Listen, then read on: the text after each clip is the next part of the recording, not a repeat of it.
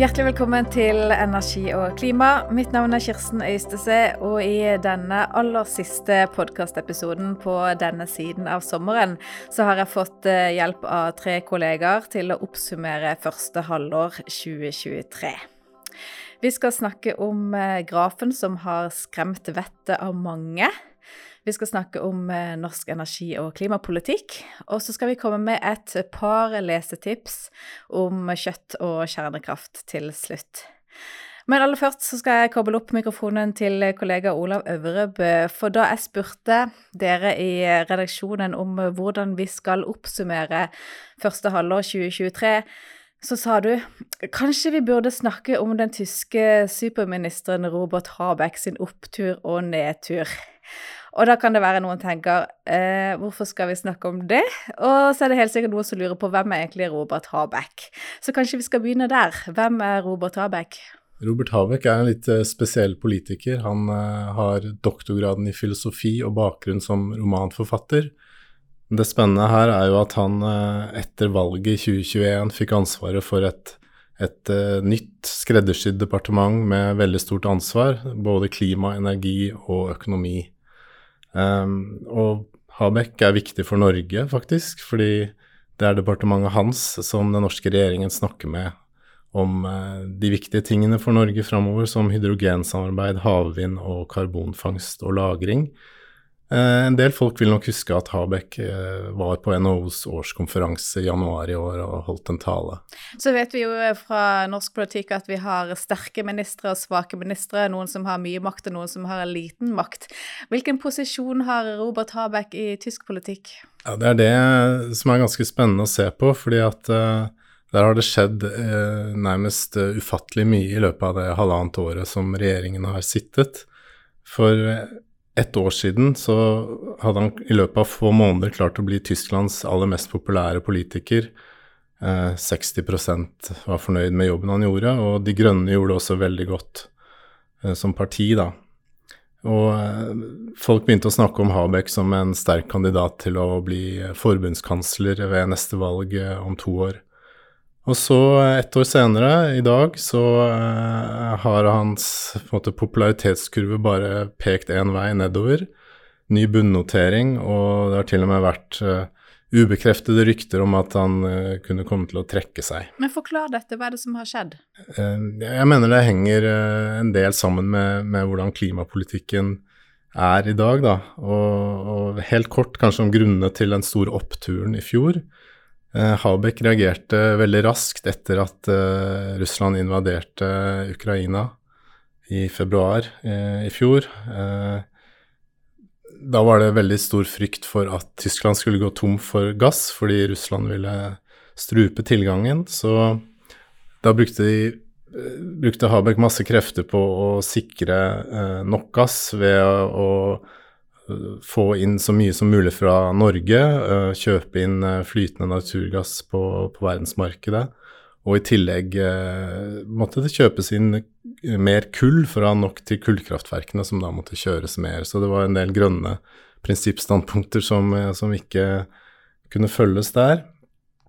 Samtidig så var det fullt trykk på, på det, det, han egentlig skulle gjøre, sånn som å fjerne hindre for utbygging av fornybar energi, satsing på energisparetiltak, eh, høyt tempo i utviklingen av, av, tiltak for å hjelpe industrien til å omstille seg i grønn retning osv. Så, videre. så alt det i løpet av noen måneder så ga jo inntrykk av en enorm handlekraft. Og, og de fikk også ting til, og, og fikk da belønningen på meningsmålingene. Mm.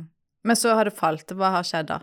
Det har vært flere saker som har vært øh, håndtert dårlig, blant annet fikk måtte en eh, veldig viktig figur i hans eh, departement, statssekretær Patrick Reichen, måtte gå av etter en skandale rundt habilitet. Men den viktigste saken, som har skapt mest, aller mest trøbbel, har pågått nå i flere måneder og pågår ennå. Den er nå i, i parlamentet.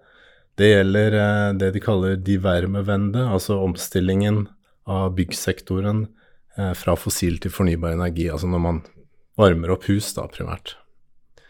Og dette er en, en, sektor som står for 15% av utslippene, så den er veldig viktig, og det er veldig mye å gjøre. fordi at i Tyskland fyrer fortsatt de fleste med gass og olje. Omstilling til f.eks. varmepumper og annen lavutslipp-oppvarming har kommet mye kortere enn i, enn i f.eks. Norden. Da. Mm. Um, så, så, ble det lagt fram et uh, lovforslag eh, hvor alle nye fyringsanlegg fra neste år må drives med minst 65% fornybar energi. Eh, samtidig med, med, diverse støtteordninger og, og, en del unntak, da. Men eh, dette gikk ikke noe bra. Eh, folk syntes de fikk for kort tid til å områ seg. Eh, det ble kritisert for at dette i, praksis var et forbud mot gass altså noe som, i nye anlegg, noe som det jo kan argumenteres godt for at det var, da.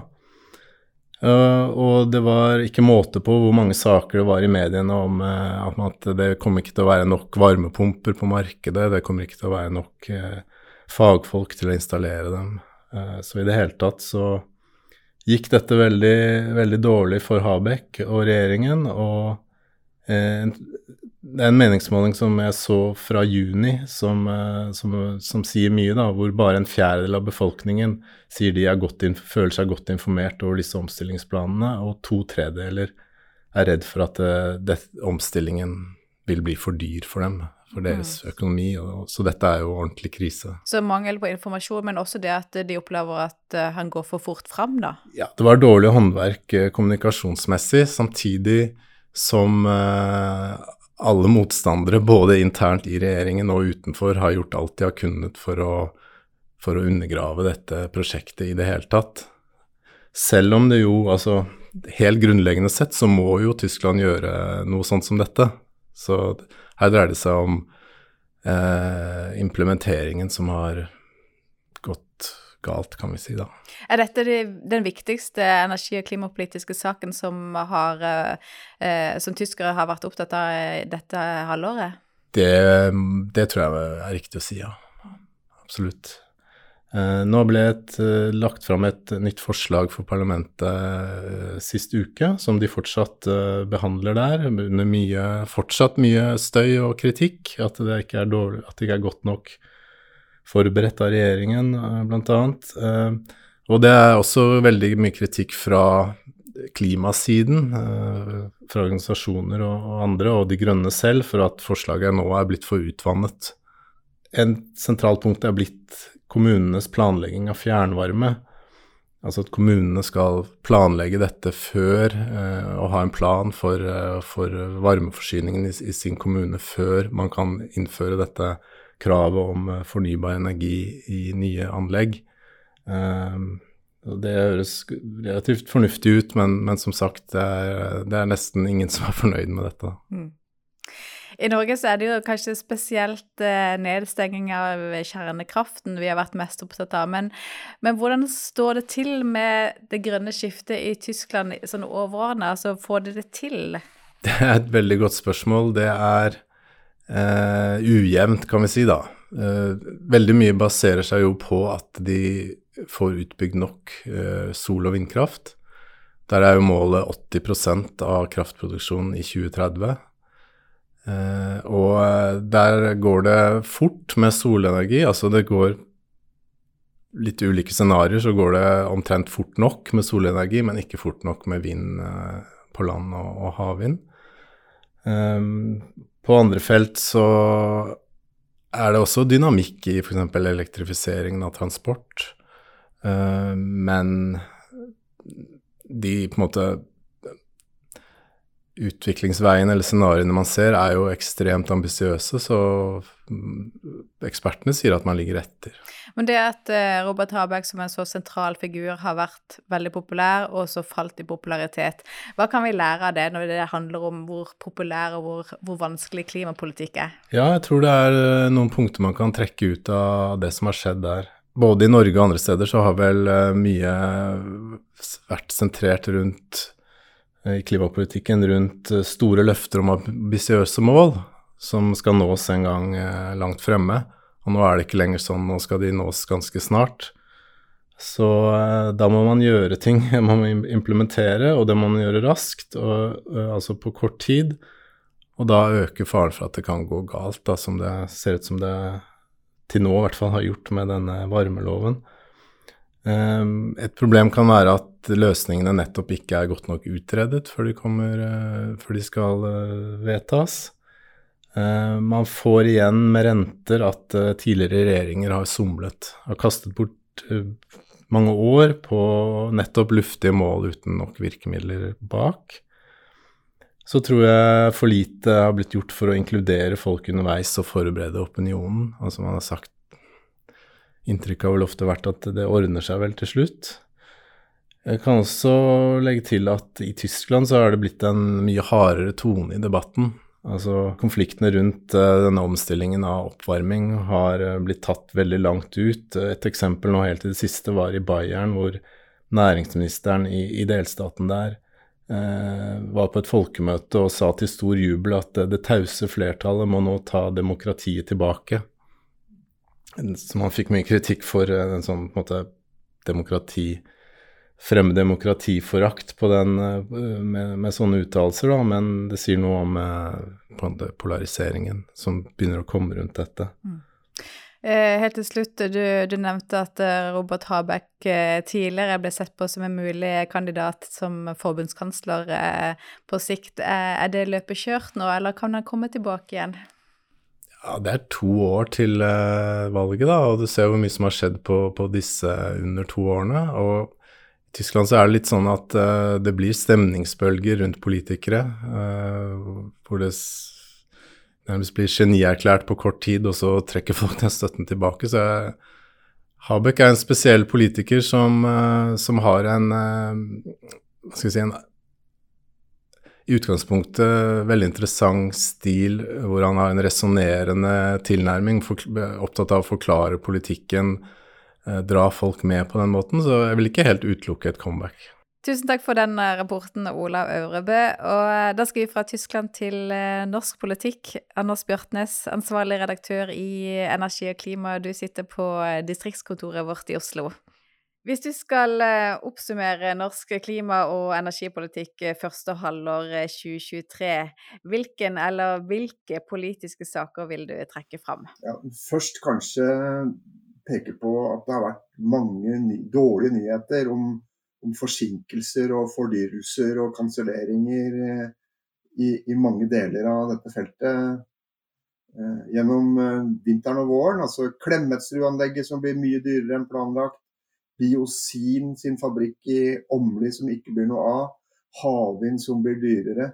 Det er mange slike saker som viser at det er vanskelig å, å lande prosjekter. Da som, eh, som, har vært eh, planlagt lenge. Og Hvordan håndteres det politisk? Ja, Det er jo litt begge deler. Det er eh, Noen tilfeller så virker det som litt sånn skuldertrekk. Ja ja, det går ikke. Um, andre tilfeller, sånn som havvind, så fant en jo fram uh, til, um, til, en løsning i Stortinget som innebar mer støtte. Uh, Klemetsrud-anlegget er jeg veldig spent på hvordan det, går, det, går, med. fordi der var jo signalene ikke at la oss nå se hvordan vi skal få til dette. Det var ikke det som kom fra, fra regjeringshold. Det var mer blir det for dyrt, så lar vi det være. Så det er litt uh, tvende, de signalene som sendes uh, på de ulike områdene her. Den biosin- uh, og biodrivstoffabrikken har jeg egentlig ikke hørt så mye mer om. Har du? Nei, det har vært få egentlig politiske reaksjoner på det. Ja, og Det da, har jo da vært et prosjekt som med tanke på å utnytte skogsavfall til biodrivstoff i Norge har vært eh, sett på som veldig viktig og, og, og, mer realistisk kanskje enn mange andre planer. Da. Ja, og det kan jo da i større grad legitimere at man satser på innblanding av biodrivstoff så sterkt som Norge gjør. Absolutt. Så det er veldig viktig sånn sett at disse store eh, skogsavfall- og biodrivstoffprosjektene kan realiseres eh, her i landet. Eh, ja, Det var, det var ett poeng. Og så er det jo da det med, med liksom kraftpolitikken og, og, fornybar energi og utbygging og sånt nå. Så tror jeg nok kanskje at en uh, erkjennelse som siger inn uh, uh, her nå, er det at dette kommer til å bli dyrere enn vi har vært vant med. Det kommer til å bli dyrere fordi at det enten er dyrere teknologisk, sånn som flytende havvind. Så det er kostbart, en kostbar form for kraftproduksjon. Eller så er det dyrere fordi at eh, miljøkrav og naturhensyn gjør at en ikke kan utnytte den mest effektive produksjonen på land. Da. Eh, jeg tror ikke det blir noe av i, i noe stort omfang vindkraft eh, på sånne steinknauser langs kysten som gir optimale vindforhold og billig strøm. Der tror jeg motstander er for stor. Og så blir det veldig spennende å se om det blir lokal aksept for eh, en del sånne halvstore prosjekter rundt omkring. F.eks. har jeg sett altså både i Høyanger og i Årdal er det vel da to sånne prosjekter som er, er på gang. Og de må ha lokal støtte for å kunne bli noe av. Hvis ikke så så stopper dette opp. Og, men, og, og, det samme gjelder egentlig solenergi. Eh, det er, eh, det er bill, mye billigere å bygge dette her på flatmark nærme en høyspentledningen og legge det på, på lagertak og grå arealer og sånn, mens mitt, mitt, inntrykk er det at det folk syns er bra og aksepterer lett og er for, det er eh, eh altså anlegg uten, uten inngrep. da. Så Summen av dette her tilsier at det blir dyrere enn vi har vært vant med. At det er liksom ikke mulig å bygge ut strøm til 30 kWt i Norge lenger. Det er eh, game over for det, og, og det må vi venne oss til. Og betyr noe både for priser og egentlig hvilke volum man kan forvente at klarer å bygges ut innen 2030 i hvert fall? Ja, Helt klart. og Her er det jo en sammenheng mellom etterspørsel og pris, åpenbart. Og Hvis det er sånn at det koster eh, ei krone og 20 øre å få strøm inn til et eller annet sted i Norge der det er et uh, industrianlegg som etterspør mye ny strøm, så er kanskje ikke interessen for å, for å bygge den fabrikken så stor likevel.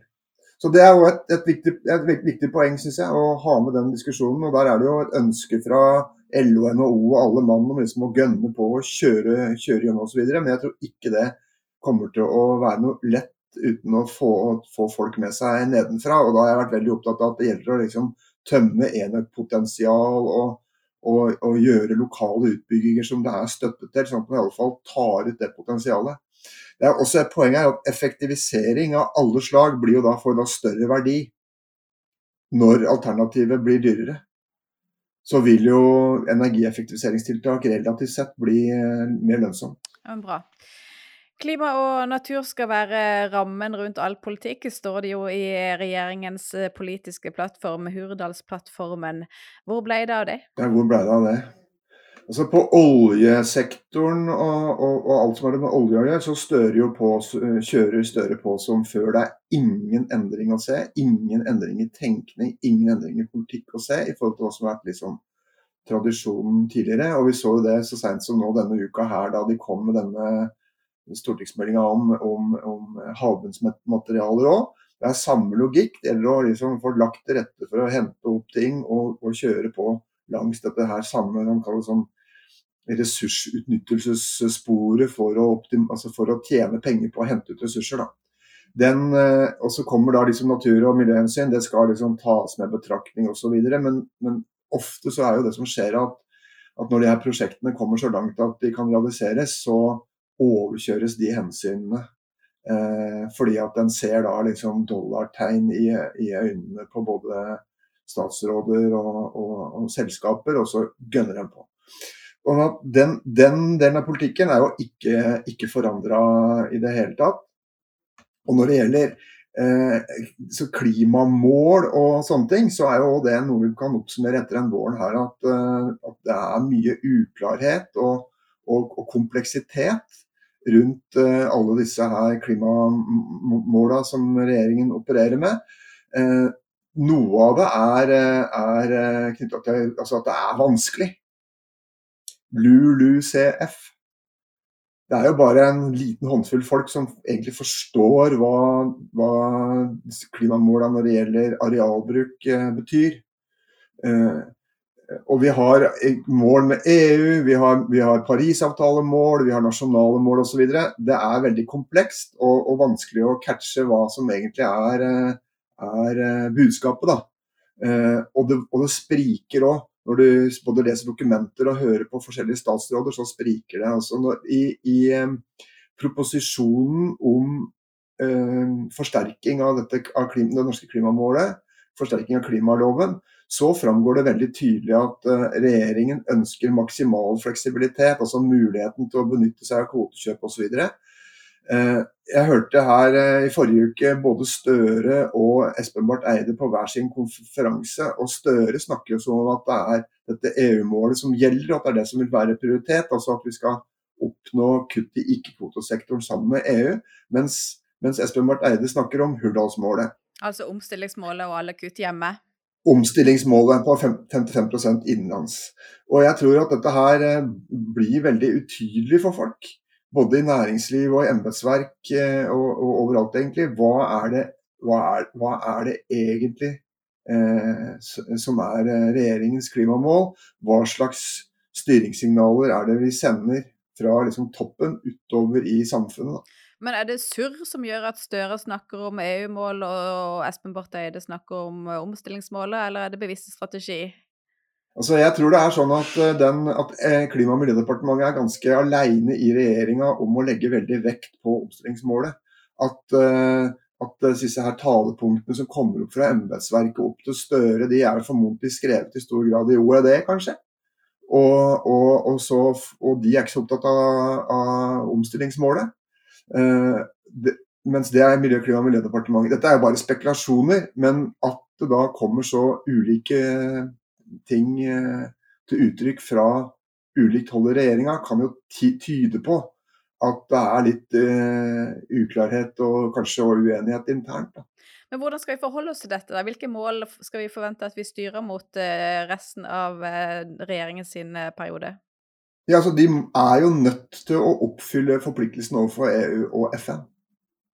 Det er forpliktelser Norge har tatt i, i, gjennom internasjonalt samarbeid både med både i, i, i løftene til Parisavtalen og i, i, denne avtalen med EU. Så det må vi gjøre. Eh, og så tror jeg at omstillingsmålet vil være mer flytende. Eh, og kanskje gi, altså gi, noen retningslinjer, liksom. Men det er jo heller ikke veldig enkelt å se hvordan man kan faktisk oppnå det målet. Altså, både Zero og Miljødirektoratet har jo lagt fram nå analyser som viser eh, hvordan det kan nås. Og, eh, og, og, selv Zero, som jo er veldig ambisiøse på, på, på si, innenlandske klimakutts vegne, da, snakker jo om at dette her er eh, lite sannsynlig, men mulig eh, å få til. Eh, og så er det jo igjen en lang debatt og en lang historie for debatt òg. Klimatiltak hjemme, ute, hva skal være balansen? Hvordan oppnår vi kostnadseffektivitet, hvordan får vi mest for pengene osv. Altså det, det er et markant skifte tilbake til Stoltenbergs tid, da den kostnadseffektivitetsmantraet liksom, var det som bar gjennom alt, uh, alt av, av, politikk som kom fra regjeringshold. Nå er det helt omvendt. Uh, og hvor den balansen kommer til å ligge når vi har kommet ut av dette året her og lenger mot slutten av denne stortingsperioden, det, det blir veldig, altså jeg skal ikke si annet enn at det blir veldig spennende å se. Mm. Du, Avslutningsvis, eh, til høsten så er det lokalvalg.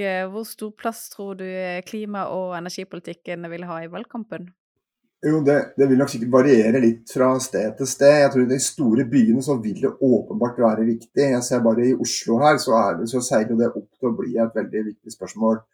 Eh, der eh, der jo de rød-grønne har styrt, med MDG i en viktig rolle når det gjelder trafikk, eh, sykkelveier, bilpolitikk osv. Eh, jeg tror Høyre her i byen er eh, og vil innstilt på å videreføre veldig veldig mye av det som er lagt liksom, gjennom her, denne perioden vi har bak oss. Folks, folks opplevelse er jo at Oslo er blitt en mye bedre by å bo i med færre biler. Så, sånn at eh, den, eh, den, eh, den men, men, samtidig så har jo da er jo en del av hvert fall samarbeidspart, potensielle samarbeidspartnere på borgerlig side da, som er veldig mot uh, dette, denne måten å tenke byutvikling og bypolitikk på, som har prega denne rød-grønne perioden. Uh, så det, det, ja, opplagt i, i, i, Oslo, opplagt over i de andre store byene, der du jo har mange liksom lignende problemstillinger, både i Bergen og Trondheim og Stavanger. Og sikkert også når du kommer til byer som er eh, hakket mindre. Rundt omkring i, i, mange distriktskommuner der det er mulige kraftutbyggingsprosjekter, så vil jo helt opplagt vindkraft være et viktig stridsspørsmål mange steder. Eh, det, så det tror jeg vil komme opp og kunne være med å avgjøre, kanskje, eh, også. Der det, er, eh, der det liksom er en veldig sånn, akutt sak. Og så tror jeg at vi skal være veldig oppmerksomme på hva som er i ferd med å skje nå i, i landbruket. Fordi vi husker den tørkesommeren fra 2018. Nå har det regna lite grann nå de siste, siste dagene på Østlandet her. Men det er så knusktørt at mange steder så vil eh, landbruksproduksjonen, korn og grasavlinger vil være mye dårligere enn normalt. Og hvis det blir tørt nå videre framover, så vil vi ha en ny sånn alvorlig tørkesommer. da. Og Det samme ser vi jo rundt omkring oss i Europa. at uh, altså, Havet rundt Storbritannia rundt England er varmere enn noen gang. Det er tørke og, og hetebølger i Sør-Europa osv. Så videre, sånn at den klima, eh, altså, klimaendringene, eh, ekstremvær, er også med på å prege omgivelsene for den politiske samtalen. Sånn at med en tørkesommer og med alvorlige eh, hendelser eh, rundt oss, så uten at vi skal på noen måte ønske oss det, så, så vil det å være med på å ramme inn den politiske samtalen. Det vil det ganske sikkert. Takk, Anders, for din kjappe oppsummering av norsk klima- og energipolitikk første halvår 2023. Og helt til slutt så skal jeg koble opp kollega Lars Ursin. Du jobber jo primært med kunnskap og forskningsformidling, og hvis du skal oppsummere første halvår 2023, så sa du at det er én graf som har skremt vettet av deg, og som også bekymrer forskere. Og eh, grafer gjør seg jo aller best på podkast, så da må du beskrive denne grafen. Hva er det egentlig snakk om? Ja, men må først si at Det er jo ikke bare jeg som er blitt skremt av ham. For jeg har jo sett at siden jeg nevnte det for deg, så har den dukket opp både på NRK og The Guardian og alle mulige steder. Så det er jo fint å vite at man ikke er alene med frykten sin. Men altså, det, det er en graf som viser utviklingen i overflatetemperaturen i havene. Og den peker veldig brått oppover. Det er det ene. Men det andre er det at det har egentlig foregått i noen måneder. Uh, jeg husker Det første sånn varselet som kom, det var sånn i april. Da var det en sak i The Guardian tror jeg, som jeg la merke til, om at uh, nå, nå, er det flere sånne uh, havhetebølger enn det som har vært før. Og Det er jo sånn som, det er en sånn ting som jeg syns har vært vanskelig å formidle hva som egentlig er poenget med. ikke sant? For Det er, liksom, det er ikke snakk om så veldig mange grader. Det er ikke sånn som gjør så veldig inntrykk, kanskje. Men så ser du på de kurvene at de, det var ikke bare at de lå over normalen, men det var liksom nye rekorder dag for dag. Og så har det fortsatt siden april og ut april og ut mai, og nå i, i løpet av juni så peker det enda mer oppover. Det er ikke sånn som du akkurat eh, sitter og nikker gledelig til. Men Du snakker da med forskere, hvordan forklarer de hva som skjer? Jeg har ikke fått snakket så mye med forskere om dette selv, men jeg har lest hva de har sagt, og det, de har liksom ikke noen sånn veldig tydelig forklaring. Det er et par sånne som dukker opp. Det ene er jo det at det er eh, en El Niño på gang, etter at det har vært en sånn La Niña-hendelse i noen år. Kanskje du bare skal si kort hva det betyr? Ja, ja altså og dette er ikke det jeg er ekspert på, men, men det, det, er et fenomen som gjør at El Niño altså, er et fenomen som gjør at eh, det tropiske Stillehavet blir en god del varmere enn normalt. Og først og fremst om høsten og vinteren, og det skjer ikke hvert år, men det, er, det kommer liksom i sånne bølger som varer en stund. Og så bikker det av og til over i la niña, som er det motsatte. Da er det litt kaldere enn normalt. Og det påvirker det, det, sier først og fremst noe om overflatetemperaturen i havet, i Stillehavet. Men det påvirker også eh, klimaet til dels også her borte. Um, Altså, samtidig så er det sånn at det er litt avhengig av hvem du spør, har jeg inntrykk av. Det er noen eh, klimaforskere som er veldig raske til å på en måte dra fram El Niño som en, en sånn årsak til at det, noen år blir veldig mye varmere globalt enn andre. Uh, mens andre sier at ja, det er mest en effekt sånn i stillehavsområder. Det har ikke så mye å si for Nord-Europa spesielt. da. Så hvis du, på, hvis du, går litt dypere i disse her grafene med den overflatetemperaturen Må snakke litt mer om grafene før vi ser på podkast. Du, du, finner noen Kan jeg få lov å si navnet på en, en, fyr på Twitter som er litt sånn grei å følge? Absolutt. Skal jo ikke drive ukritisk markedsføring av Twitter, men likevel. Han heter Zack Labe, håper jeg uttaler det riktig, men det er jo ikke heller så viktig på Twitter.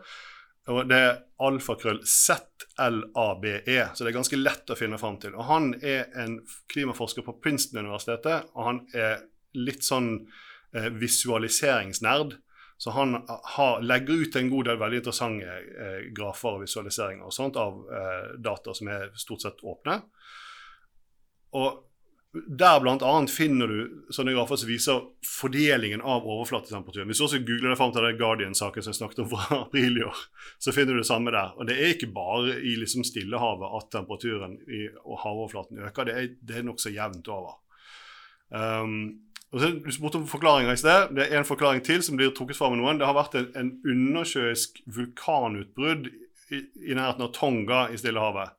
Eh, det var jo egentlig i fjor, da. Men, men det, det, var så voldsomt at det kan ha påvirket både eh, havtemperaturer lokalt og i litt større områder der. Og det spylte også masse vanndamp ut i atmosfæren som folk snakket om ville ha en, en sånn kortvarig effekt på klimaet som faktisk kunne gjøre at halvannengradersmålet røk bare pga. det vulkanutbruddet. Men det er også sånn, det, det kan ikke forklare alt. Så du har på en måte to sånne ekstraordinære hendelser som forklarer noe av det, og så har du noe i bånn som er ugreit og som gjør at det går mye fortere enn det vi kanskje hadde forutsett.